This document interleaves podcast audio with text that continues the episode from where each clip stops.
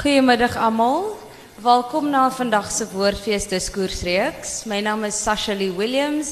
Ek is die SR lid van Kritiese Interaksie en Transformasie. Ek is eintlik baie baie Engels, so ek gaan 'n bietjie Engels praat. um, our facilitator for today is Monica Detoit on that end. Monica was chosen as a facilitator for the discussion political apathy of the youth because Monica is very passionate about mobilizing the future leaders and getting youth involved in leadership development and owning the student voice for the form for the purpose of progressing and just broadening your mindset. And Monica's also got her masters in clinical psychology so it's very interesting to engage in conversation with Monica and her perspective and so I'll hand over to Monica to then introduce the panelists but thank you so much for coming and for sharing your time with us this evening. Enjoy. Uh goeiemiddag dames en here en hoe lekker om um 5:00 die middag by die woordfees 'n uh, gehoor te hê. Ek dink dit is vir ons baie lekker as paneellede om te weet um hier is mense wat belangstel in politieke apatie. Um en maar wat ook belangstel in die studente stem. So so baie dankie vir almal wat hier is. Um, ek gaan vra vir die vryheid om so bietjie te kan oorskakel tussen Engels en Afrikaans en dit gaan spesifiek daaroor dat van ons paneellede hoofsaaklik Engelssprekend is en ons baie graag wil hê almal moet die debat volg. Maar ek wil hiermee sommer 'n uitnodiging gegee dat u welkom is om deel te neem in Afrikaans. Um, dat ek gaan probeer om oor te skakel tussen die twee tale en dit so gemaklik moontlik vir almal te maak om nie apaties te nie. En daarmee wil ek sommer ons paneel voorstel en wil begin by uh, Dr. Christy van der Westhuizen. Uh, Dr. Christie is the author of White Power and the Rise and Fall of the National Party. She also recently completed the, um, another book, Working Democracy and Perspectives on South Africa's Parliament at 20 years. Um, and she is a well known political analyst and columnist. Um, and also uh, soon starting at the University of Pretoria as an associate professor. So welcome, Christi. Mm, thank you, Monica.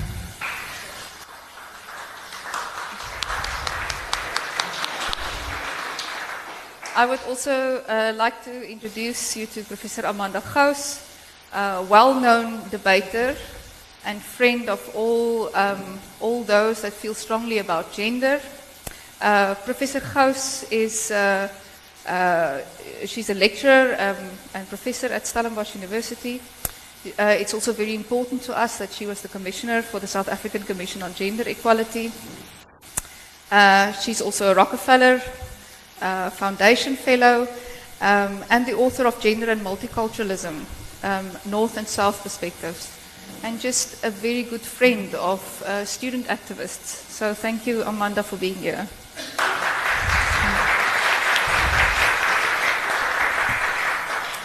And then our third special guest is Kule Duma. Um, we know Kule as a powerful student leader, um, very vocal in terms of social justice and activism. Uh, Kule is a second year student in social dynamics and also the leader of DASO, um, uh, Stellenbosch, which is the DA student organization at Stellenbosch University. Welcome, Kule. Thank you.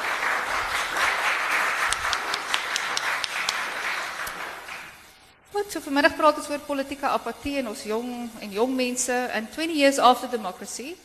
We ask ourselves what happened to the political consciousness um, and participation of South African youth. Um, some would call it apathy. Um, others might not agree. Um, and we would like to start with the opinion of our panelists in terms of how do you, what is your perspective in terms of the political consciousness? Neem jeug nog deel Um, is dit so dat ons ons jeug kan beskryf as polities apaties um, en wat sou die redes wees?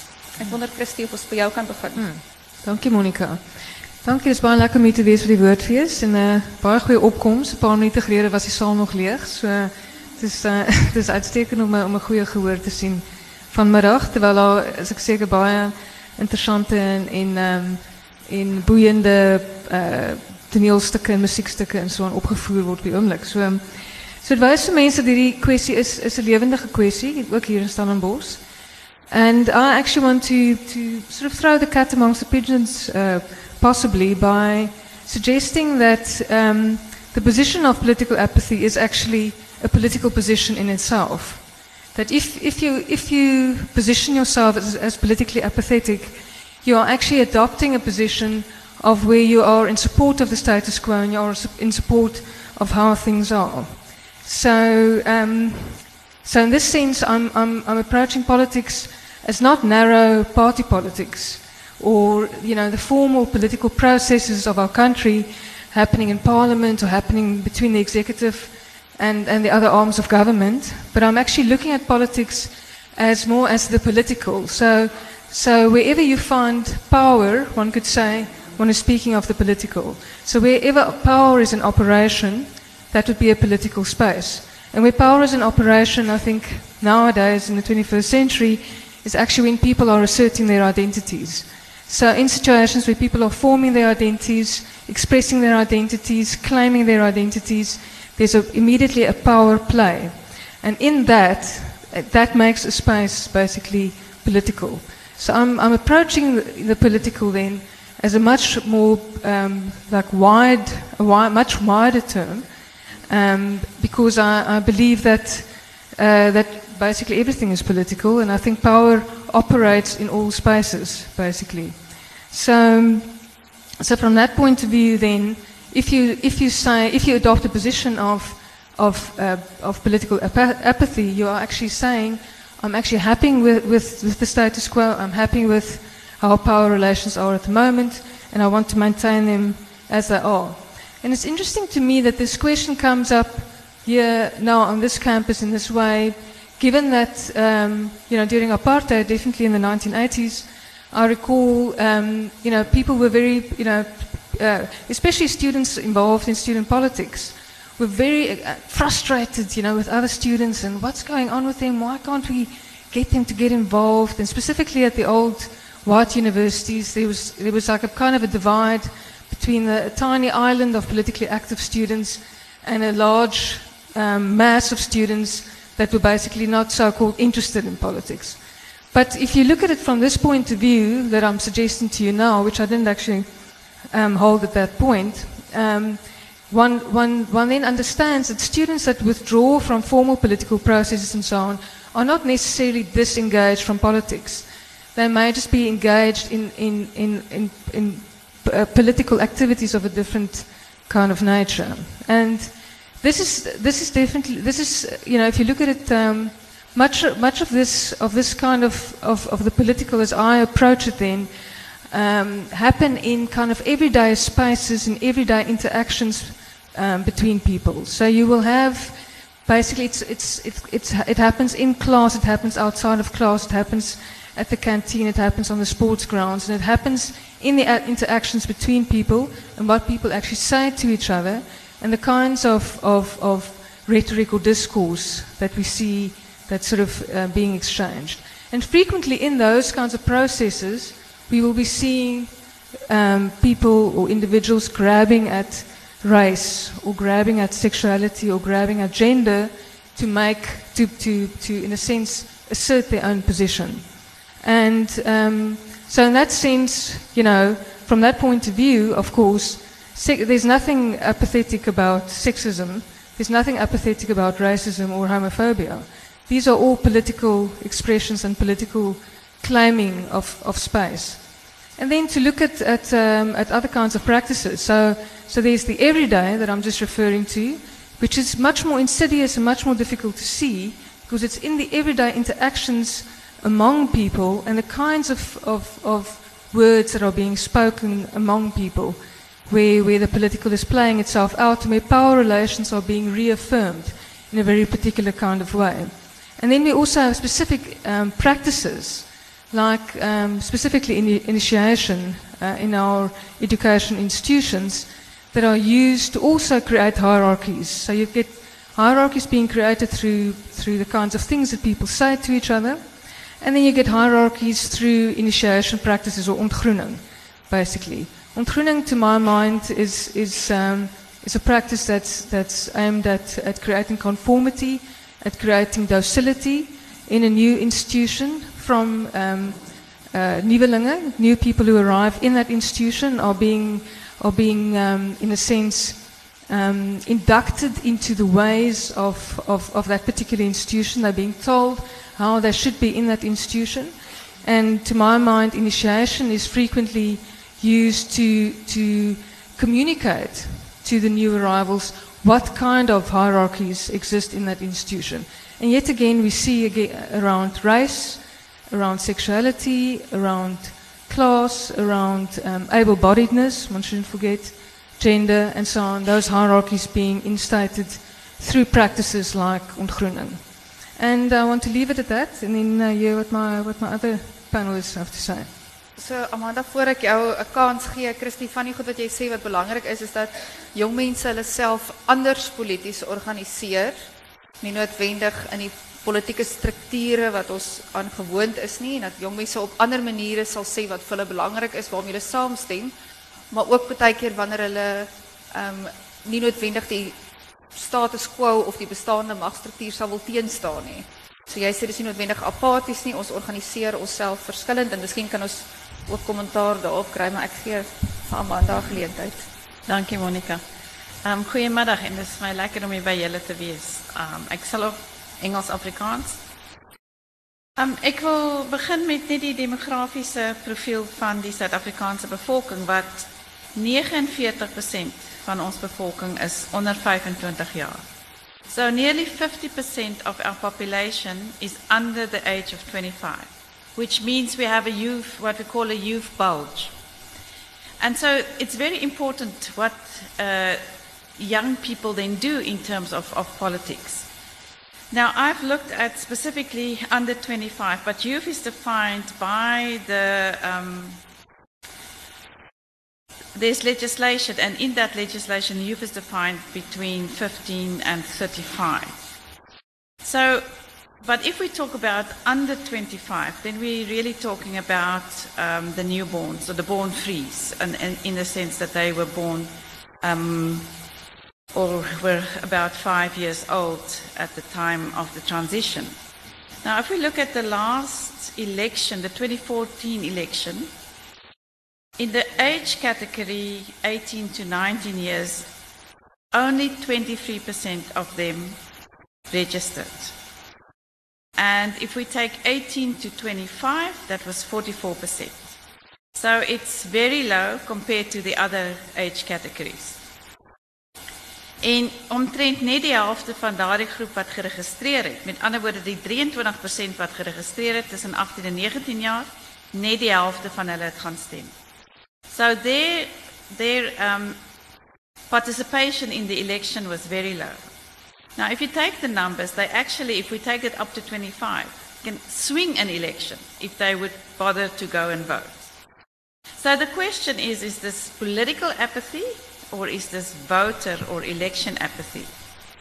En ek dink wat ons sien is 'n verwerping van die van stempolitiek, van verkiesings en van partye en dit is nie net uitsluitlik 'n Suid-Afrikaanse probleem nie, dit is 'n globale probleem.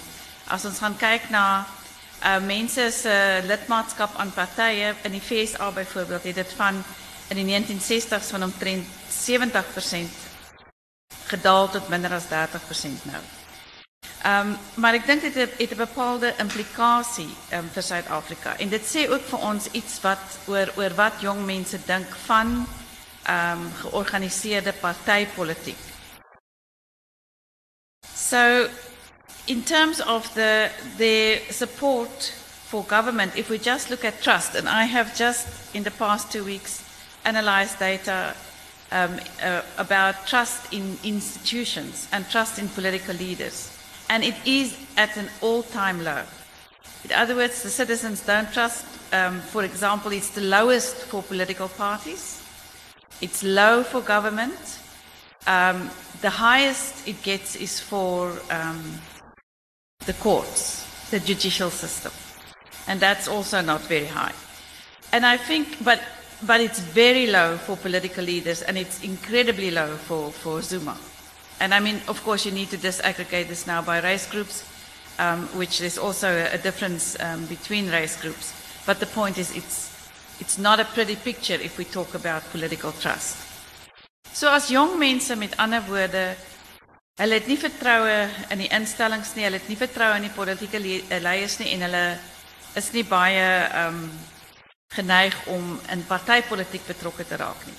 Dan is my argument hulle is nie noodwendig polities apaties nie, maar hulle is apaties in terme van georganiseerde um politiek en en spesifiek partytetiek.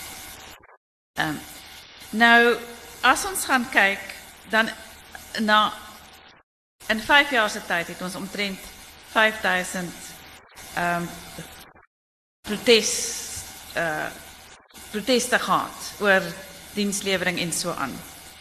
Dan is daar jong mense betrokke by hierdie protes. So die argument is hulle raak betrokke in ander tipe van politiek en ek dink dis die punt wat wat Christie ook gemaak het. Ehm um, Die groepering van onder 25 jaar maak 73% van die werklose bevolking uit. Met ander woorde, ons kan verstaan dat hulle ongelukkig is. Ons kan verstaan dat daar ontevredenheid is.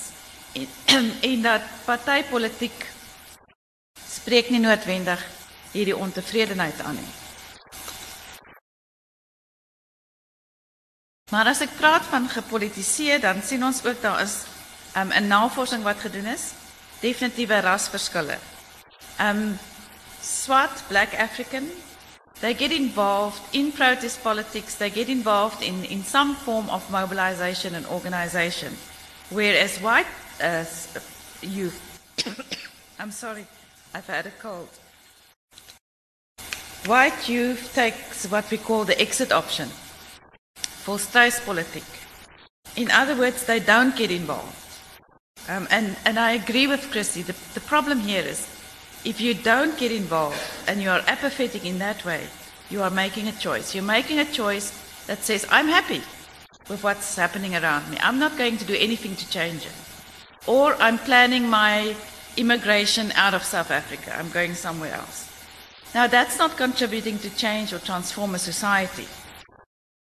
So the exit option is um, problematic. And I, I want to ask this question because on Friday, the students, um, well, not the students, staff and students of the University of Stellenbosch had a march. It was a march for human dignity and against racism, uh, sexism, and homophobia, and other all kinds of, of, of problems that we experience. Um, I think the estimate was about 300 people. Now, we're a university of 27,000 students and 2,000 staff. So what is what is 300? It's a drop in the bucket. So I mean that's also an expression of political um, interest, of political involvement, of political participation. But I think there are people who think that protest specifically is something that's not done. It's not, it's not good politics. And I think we need to distinguish between protest politics that becomes violent um, and so and, and protest that makes a statement. And those two things are not necessarily the same. Nou ek wil uh, die vraag vra oor die jeug van vandag is meer verbind aan mekaar as ooit vantevore. In a digital age with social media, Facebook, Twitter, um, all the types of media that they use, they're actually very connected. And it was the, the Arab Spring in North Africa was started through the social media. So social media can be used in very powerful ways. And I think we need to ask ourselves the question then, do they form, in a sense, what we call imagined communities? Imagined communities are those communities, people are not necessarily living in the same space, um, they're not necessarily friends, but they are linked through certain concerns and certain issues. And I think that there are what we call in political science issue publics. Those are the people who are connected around certain issues. Um, and even though they may be considered ap- apathetic around other issues, they are more informed and more um, concerned and connected around certain specific issues. So we can't really call them apathetic. Um, and I think if we, if we come back to the issue of party politics is we need to ask the question what did parties do to draw the vote of the youth? I think they had a an enormous opportunity to use social media to draw that vote, and they didn't. I mean, if we look at the first Obama campaign, how successful that was. And I had an uh, MA student last year who actually did his uh, thesis on the use of the social media in the 2014 election. And I mean, he, what he found, and, and, and he had, he worked for a company that could actually trace um, the, the, Facebook um, campaigns and the Twitter and whatever. It was very, very minimal, uh, used in a very minimalistic way.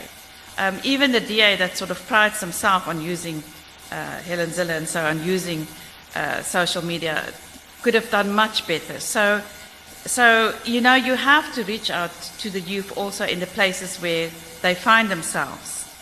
Um, and then I think the other draw card, of course, is populism. As ons kyk na die EFF, nê, 'n populistiese party, uh, 'n party wat beloftes maak aan mense wat, soos ek sê, 73% van hulle is is werkloos. So om hulle te trek met beloftes van werk, van 'n beter lewe aan. So so you can see the appeal of populism. And we can also see the effect of populism in parliament. It is really undermining parliamentary politics and it is changing the role of the opposition. Where the DA was an opposition who did their work in terms of um, researching legislation and making um, inputs that are very important for those debates, they are now overshadowed by screaming and shouting. And so, what is getting lost is the important work of lawmaking in, in Parliament. Maar die EF het, het 'n groot steun onder die jeug. So we need to be aware of the power of populism in a context where there's a lack of trust in government and government is not delivering. Um, yeah, I'm, I'm going to stop there um, and, and give Chance. Thank, thank you so much, Amanda. You've, um, you've mentioned important things like the fact that people participate on different mediums, which I think was very interesting, the social media perspective the fact that when we speak about youth, it's not a homogenous group, that there are clear racial trends, but you also define youth, um, and without um, offending the rest of the panel, uh, Kule, I think you are a clear representative of the age category that we've been talking about, and therefore we'd like to hear your perspective in terms of um, uh, political apathy and how you experience the, the context for South African youth at the moment. Um, good evening, everyone. Uh, it's really nice to be here. I think, uh, first of all, we should not confuse uh, apathy when it comes to youth actually knowing about politics and them actually going to the polls. Because I think sometimes we tend to confuse that. And what I mean is that when you look at young people in our country, uh, they're very knowledgeable about politics. It's something that is actually personal to them. In everyday conversations, politics actually comes out. They speak about politicians, they speak about things that were talked about in parliament, these kinds of things. When I compare it to when I grew up in America, this is very different. Uh, young people don't engage in politics as young people here do engage in politics. But then there's a, la- there's a lack of correlation between our discussions as young people on politics and the issues that affect us within our community and actually people going to the polls. And that's where we have to start to ask the question. Why do our young people constantly talking about problems? Because remember, politics is not about these high and mighty and big words and, and things that we study in university. It's about the issues on the ground. It's about youth unemployment. It's about poverty. It's about those kinds of issues. Young people are constantly talking about those things. But how come they don't go and vote? And the answer lies in the fact that they don't see an alternative. I mean, we say we're one of the youngest countries in the world per average age. But then you look at our parliament and it's full of old men and old women, and the issues that they're speaking about are not issues that I can, uh, you know, that I can relate to. Um, for example, if really our parliament was actually representing us and our political parties were representing us as young people, the issue of student funding within university wouldn't be an issue just one time a year in February, right? But it'll be a constant issue about what are we going to do about it next year.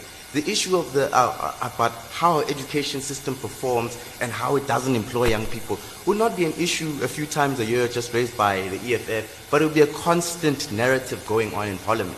But another thing that also we need to touch on as well is that, um, especially in the university space as student leaders, is that privilege also sometimes is a problem, right? In terms of engaging with problems.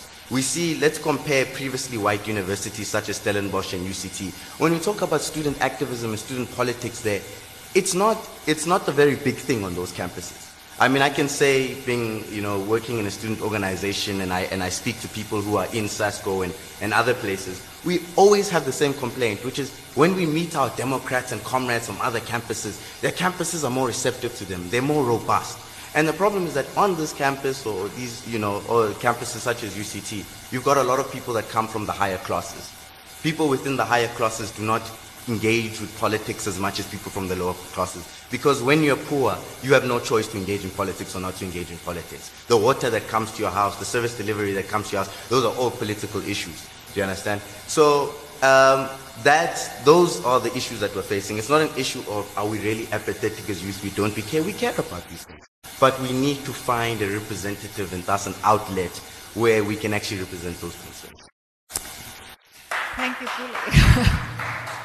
and I think at this point it might be um, the ideal opportunity to open the discussion to our audience in terms of how you want to react to our panelists' views in terms of political apathy.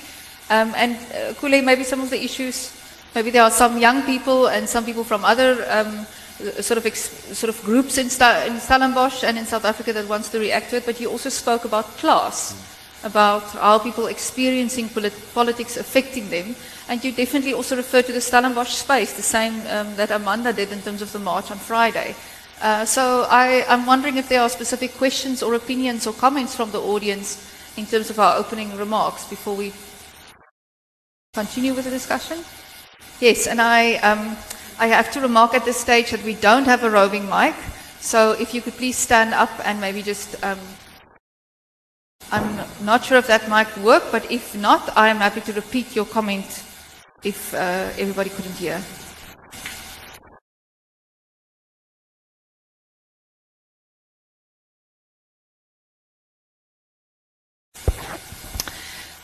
Thank you en ek wil nou punt miskien net vra dat elkeen wat 'n vraag vra sommer onsself voorstel. Ek dink is 'n interessante dimensie as die nie gehoor ook 'n bietjie agterkom van waar kom ons vandaan en dit was Sasha Lee van ons eh, van ons SR en sy is verantwoordelik vir die portefeulje critical engagement, kritiese interaksie. Um dankie Sasha. I will repeat your question um just when we want the panel to react. Are there any more comments or questions from the audience? Yes, thank you. Thank you. So I just want to repeat some of the comments and then we can maybe um, uh, get some comments from the panelists. Uh, there was a question about self-centeredness, a narcissistic uh, interest, self-interest from youth, and is that not the reason for apathy? Um, and, and what makes us want to escape um, dealing with the real issues? Uh, there was about the disillusionment with democracy. Is that not the issue, that we don't believe that uh, using the channels and the, the system of a democracy is actually going to change anything, a huge disillusionment amongst youth. Uh, question to the panel. And then also the issue around if these, weet, uh, maak hierdie optogte dat verander. So the perception that activism doesn't change the system and therefore it might be a waste of time. Um, and the final one was about, uh, sorry, the two final ones was about privilege. How do we if I correctly understand, create a social cohesive um, community waar die met voorregte die hulle en ons en ons en julle um, begin saam met mekaar gesels oor hoe word ons geaffekteer en wat is ons issues en ons belange. Um, and he, the final comment was about the previous generation uh, being the, the children of activists in the 80s and if that wasn't transferred um, to this new generation. Um, it's also interesting sometimes to hear the students talk about uh, how little they um, are engaging with their parents about the things that they felt strongly about um, and that they um, and that they uh, voiced in a certain way. So, um, shall we start, Christi? Do you have specific comments, or would you? Yes. Yes, thanks for that. Look, in terms of, of what you're calling escapism or narcissism and so on, uh, the fact of the matter is, you know, where we are now at this particular historical juncture is that we are basically in a, in a condition of, you know, what's, what's called the consumer society, which is highly indi individualistic. So there's a lot of emphasis on, on individualism. and of, of uh, actualizing yourself as an individual.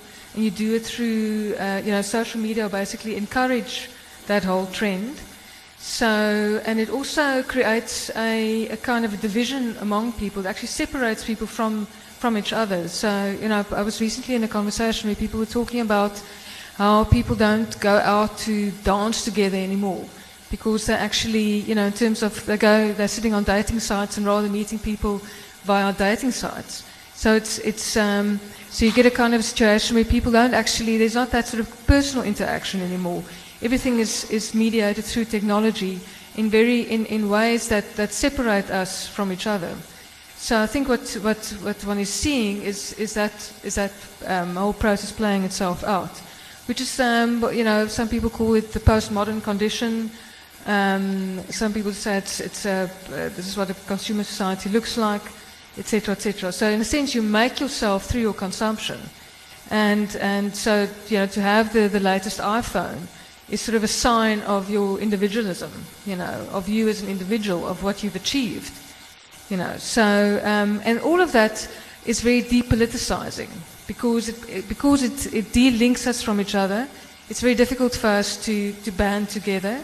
So elites across the world are loving this trend, you know, because it, it's very, very difficult for people to mobilize politically, to get together, to decide on a goal, and to do something about it. Then, in, specifically in South Africa, um, the ANC has, from uh, you know, basically from the word go in the in the in the early 90s, and definitely much more strongly also also after it came to power, it it uh, emphasized um, demobilization of people. The the attitude of the ANC was the people are now the people are now in government, and therefore people must now stop making trouble. You know, so so there's a kind of a demobilization, and ultimately the, the goal with that is also a depoliticization. So it's actually about, um, you know, leave politics over to the politicians. They know about those kinds of things, formal politics now. You know, leave that over to, to the politicians. And so in South Africa, we are, that's, that's something that we are specifically um, grappling with. You get a, a kind of a, um, a kind of a, um, an attitude um, of, of, you know, we know better, and uh, it's a kind of a, political elitism from our politicians. Then, just to address this issue of a lack of faith in, in our democracy, I think it depends on who, who you're talking about. I think that, um, that our democracy um, is probably very disappointing to the 27 million people who are living on seven, less than 779 rand per month per person. So yes, for those people, our democracy is in a crisis. You know, we've got uh, something like 21% of our population don't have, and this, these are very recent figures from Stats SA, uh, 21% of our population don't actually have enough food to eat to meet their nutritional needs. 21% of people in this country, you know, that's, it's like an unfathomable um, uh, figure if you think about it. So malnutrition, stunting of um, children's growth, etc., etc., are very real and alive issues in our, in our country. So for those people, those economically and ultimately socially excluded people, democracy is not working. And I do think that there's a, there's a real disillusionment there. And that's why we, we have the level of social protests happening that, that, we, that we see. So um, some people say we're the protest uh, capital of the, of the world. You know, if you, if you look at our figures, if you take the, the, I was just actually writing about it, so that's why I've got all these figures in my mind. Um, something like 11,000 protests um, per annum if you look at all like uh, sort of uh, control, um, crowd control management um, incidents that the police had to attend to, um, and that's per annum. Then, um, if you're just looking at service delivery protests, last year it was up to 220 service delivery protests for the year, up from uh, I think about a, a hundred in uh, in 2007. And specifically, interestingly, these figures um, climb every time it's an election year. So the poor, definitely, in that sense, I think that's good news at least. It seems like the poor, poor people basically believe that if they protest in an election year, then they will have some sort of um, response from the politicians, and the politicians will respond to their, to their condition.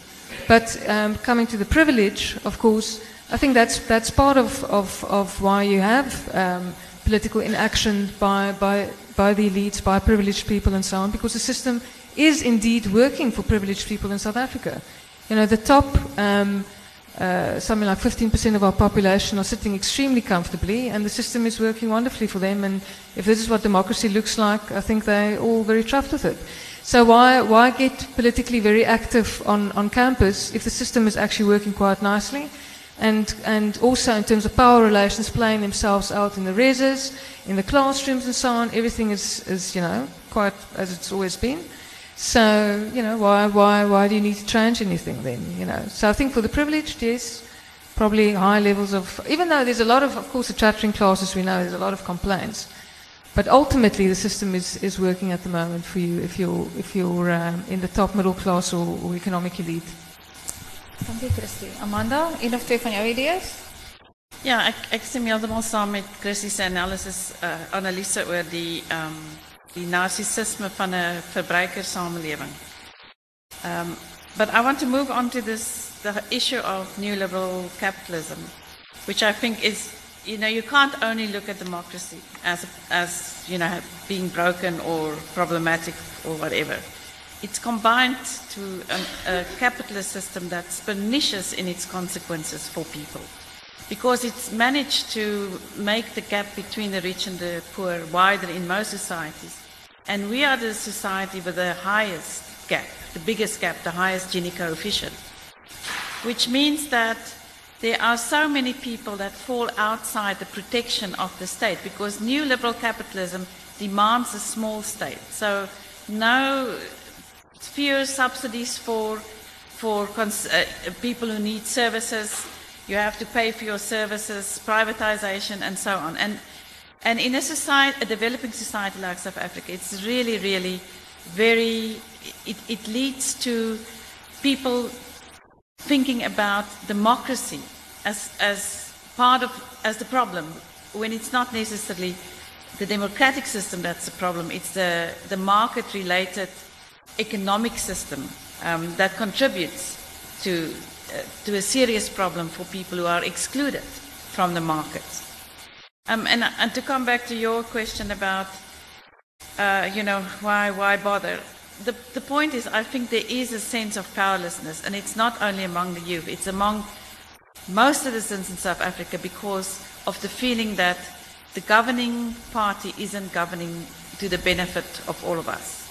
Right? I mean, there's a lot of patronage going on. The patronage are um, towards the, uh, the, the governing elites uh, benefit. And so, and people feel, well, it doesn't matter what I'm going to do. We can't break those patronage networks. We can't do anything about corruption and so on. And I think that is a very bad place to be. But it's, it's the place that a lot of us are in, not, not only the youth. So, I mean, and that, that's why actually it demands more action, it demands more protest, it demands all kinds of efforts to, to say, to make a statement that we are not happy with the way in which we are being governed. Um, and um, I, I, want to make a point about the, the socialization issue because I think, uh, you know, our, our, kids being socialized not the same as, as the parents. Um, I asked this question in my class when I teach socialization. I asked them, I've got about 300 students in my second year class. Um, um, of them, um of you are in the same party as your parents or think the same way as your parents, and, and not a whole lot. So there's definitely changes, right? Some, some still think, you know, adhere to the politics of their parents, but others don't. And I think that events socialize people. In the 80s, people were socialized through political violence. They become very politicized because of political violence. I think now people are socialized through um, a media that, that points out uh, the, the weaknesses of the government, right? The corruption, bad governance, bad service delivery. Um, so, so we are socialized um, not through the good stories that's being told, but through the bad stories being told. And, and I'm not saying those bad stories aren't true, but they actually determines what we call the political mood. And the political mood is a very negative one. And so um, you know, I think when, when people who are in their, their teens and 20s now look back on this era when they're older, they will understand that it was a very bad place for us to be in. Um, so, so how you're being socialized is also an effect of the political climate. Kule, may I add something before you? Because I think you represent a very interesting um, identity in terms of the discussion we have at the moment. And if I um, may um, take the uh, die voorreg omdat ons mekaar goed ken to say that I think you you represent that interesting identity of privilege and a global experience of uh, a certain educational experience and then coming to Stellenbosch um, and yet being a huge you know activist why when when we had these questions about privilege and our sense of a community um, to some extent you represent both privilege um, and experiences of exclusion. You've, and, and I wonder if you wanted to comment on that in terms of how you see um, who you are in terms of why you are an activist and, and what is the answer to a Stellenbosch community that, um, that understands each other. Um, it's a bit difficult. it is quite a, a difficult question.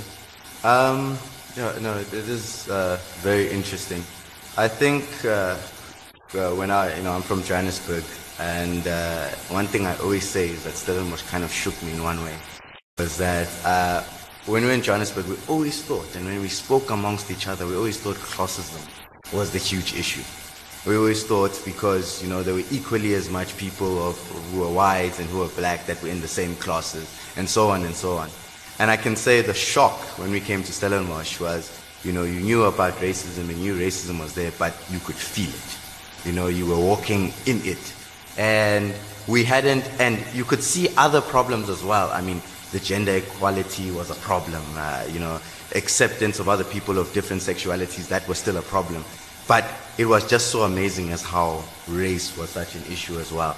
And so we found that even though in Johannesburg, you know, in other parts of the country, yes, you were in the, the privileged minority because you went to a certain school or because of the experiences you had, you were thus disadvantaged when you came to Stellenbosch because of the color of your skin.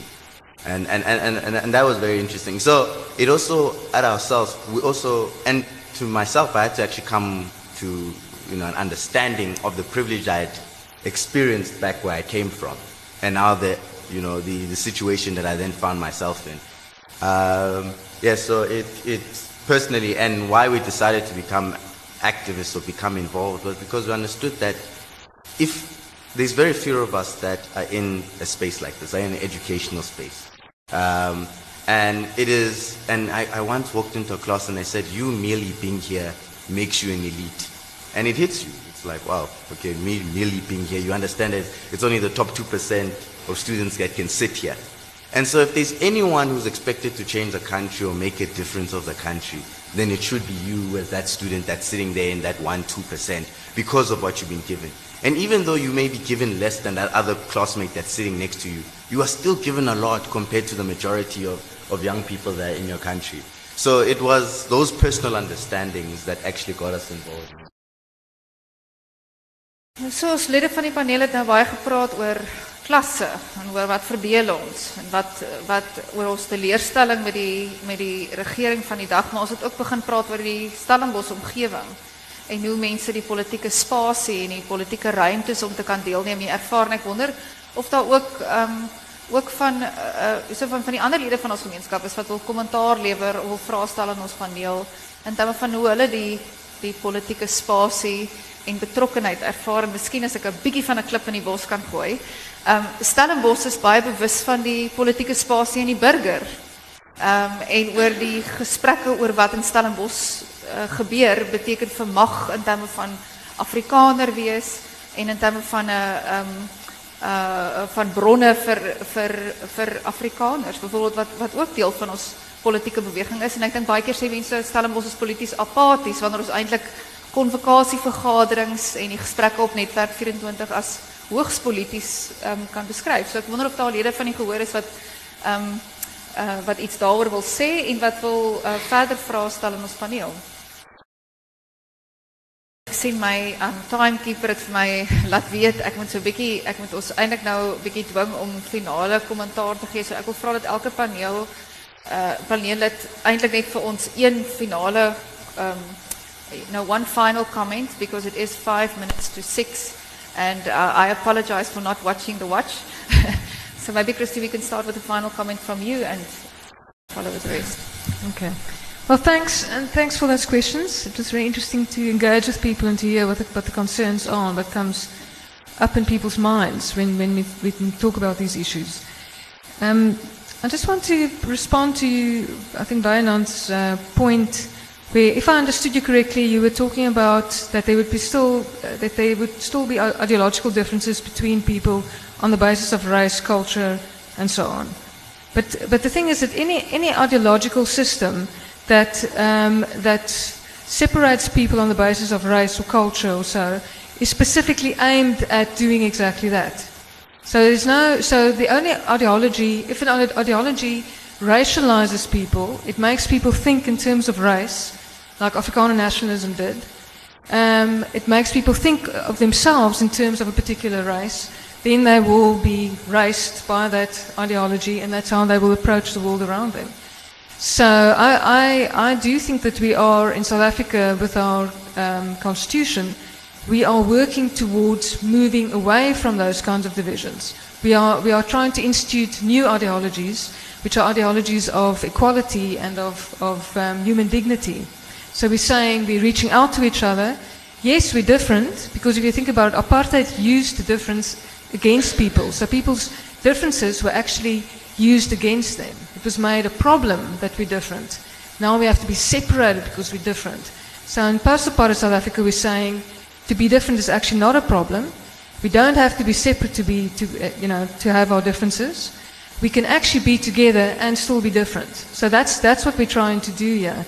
And, um, yeah, so just to make that point. So if, if an ideology has the effect of people grouping together culturally or, or racially, it's because that ideology is trying to separate them according to culture or race or so on. And then culture and race, of course, are very interesting little constructs because they nowadays we're seeing how race works through culture.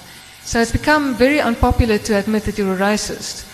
So therefore, you don't, you don't. I mean, I, I, though I must say, I do still know people who say I'm a racist and I'm proud of it. Those kinds of uh, people exist. But um, a lot of people would say, no, I'm not a racist, but you know, my, my culture, you know, it's my culture that's about. So you see, but ultimately, then when you go to those kinds of cultural spaces, you see, oh, but it's an all white space. Also, that's just interesting. So the cultural, the grabbing of the culture leads to a whitening of the space. The space becomes totally white.